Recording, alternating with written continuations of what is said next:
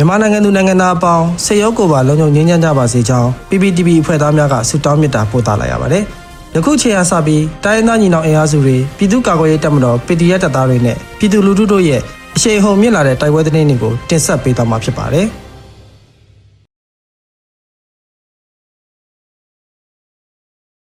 ပထမဆုံးအနေနဲ့ပေါ့မြို့နယ်တောင်ပိုင်းချက်ကန်ရွာသို့စစ်ကြောင်းထိုးလာသောစစ်ကောင်စီတပ်ဖွဲ့နှင့် YRF တိုက်ပွဲဖြစ်ပွားပြီးစစ်ကောင်စီဘက်မှ30ခန့်တေဆုံးနိုင်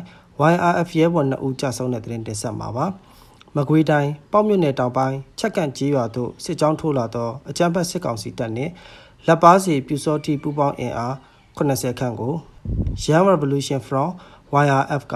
မေလ4ရက်နေ့နေ့လယ်တနာရီခွဲခန့်တွင် ခုခံတိုက်ခိုက်ရာစစ်ကောင်စီဘက်မှ30ခန့်တေဆုံးနိုင်ပြီး YRF ရဲဘော်2ဦးကြာဆုံးခဲ့ကြောင်းသတင်းရရှိပါသည်။ အဆိုပါစစ်ကောင်စီစစ်ကြောင်းကို YRF ကအကြိမ်ကြိမ်မိုင်းဆွဲတိုက်ခိုက်မှုကြောင့်အကြအဆုံးများစွာဖြင့်ညနေ4နာရီခန့်တွင်ပြန်လည်ဆုတ်ခွာသွားကြောင်းရင်းနောက်လူအင်အားဖြည့်တင်းကအင်အားတရာခန့်ဖြင့်ထပ်မံစစ်ကြောင်းထိုးလာမှုကြောင့်လက်နက်အင်အားနှင့်ကြီးစံမလုံလောက်မှုများကြောင့်ဆုတ်ခွာပေးခဲ့ရကြောင်း YRF ထံမှသိရပါသည်။ရင်းနောက်အကြမ်းဖက်စစ်ကောင်စီတပ်နှင့်ပြူစောထီများသည်ချက်ကန်ရွာကိုမီတင်ရှိုးဖျက်ဆီးလိုက်ကြောင်းသတင်းရရှိပါသည်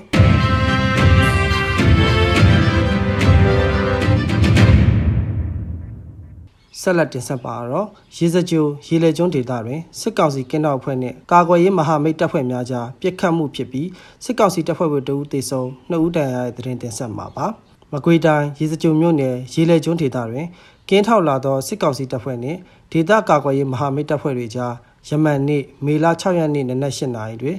ပြစ်ခတ်မှုဖြစ်ပွားပြီးစစ်ကောင်စီတပ်ဖွဲ့ဝင်တဦးသေဆုံးကနှစ်ဦးဒဏ်ရာပြင်းထန်ကြောင်းသတင်းရရှိပါသည် ရေစကြုံမြို့နယ်ပေါက်တော်ကြီးစိတ်ကမ်းမှအရှိတ်ဘက်မြစ်ကမ်းရေလေကျွန်းဒေသသို့ကင်းထောက်လာသောစစ်ကောင်စီတပ်ဖွဲ့ကိုရေလေကျွန်းဒေသပြည်သူ့ကာကွယ်ရေးတပ်ပေါင်းစုနှင့် Phoenix အထူးပျောက်ကြားတပ်ဖွဲ့တို့ကပြစ်ခတ်တိုက်ခိုက်ရာလက်လုံ40မမနှင့်ပြစ်ခတ်မှုကြောင့်စစ်ကောင်စီတပ်ဖွဲ့ဝင်တို့တေဆုံးကနှစ်ဦးမှာဒဏ်ရာပြင်းထန်ပြီးစေကူတနေရကြောင်းရေလေကျွန်းပြည်သူ့ကာကွယ်ရေးတပ်ပေါင်းစုကသတင်းထုတ်ပြန်ပါတယ်။ဒေသကာကွယ်ရေးမဟာမိတ်ရဲဘော်များအထူးကမရှိပြန်လည်ဆုတ်ခွာနိုင်ခဲ့ကြောင်းရေလေကျွန်းတပ်ပေါင်းစုကဆိုပါတယ်။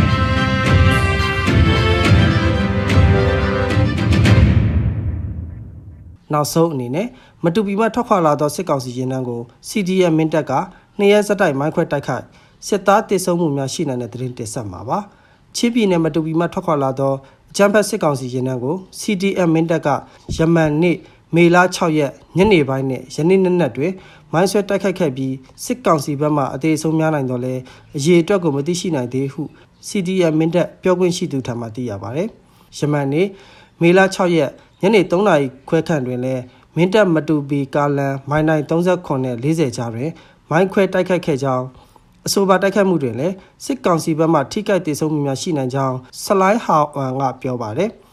မတူပီမြို့နယ်မှာထွက်ခွာလာသောအဆိုပါစစ်ရင်တန်းကို CDM မတူပီကလည်းမတူပီမြို့နယ် area အတွင်းအကြိမ်ကြိမ်တိုက်ခိုက်ခဲ့ပြီးစစ်သား15ဦးထပ်မံတေဆုံးကြောင်း CDM မတူပီကသတင်းထုတ်ပြန်ထားပါတယ်။ တန်ချက်ကအမြောက်ကား2စီးအပါအဝင်စစ်ကားအစီး80စစ်သားအင်အား300ခန့်ဖြင့်မတူပီမြို့မှမင်းတပ်ဖက်သို့ဧပြီ29ရက်နေ့တွင်ပြန်လည်ထွက်ခွာလာသောရင်နှန်းဖြစ်ပြီးယနေ့မေလ9ရက်တွင်မင်းတပ်မြို့နှင့်မိုင်40ဝန်းကျင်အကွာသို့ရောက်ရှိလာခြင်းဖြစ်ပါတယ်။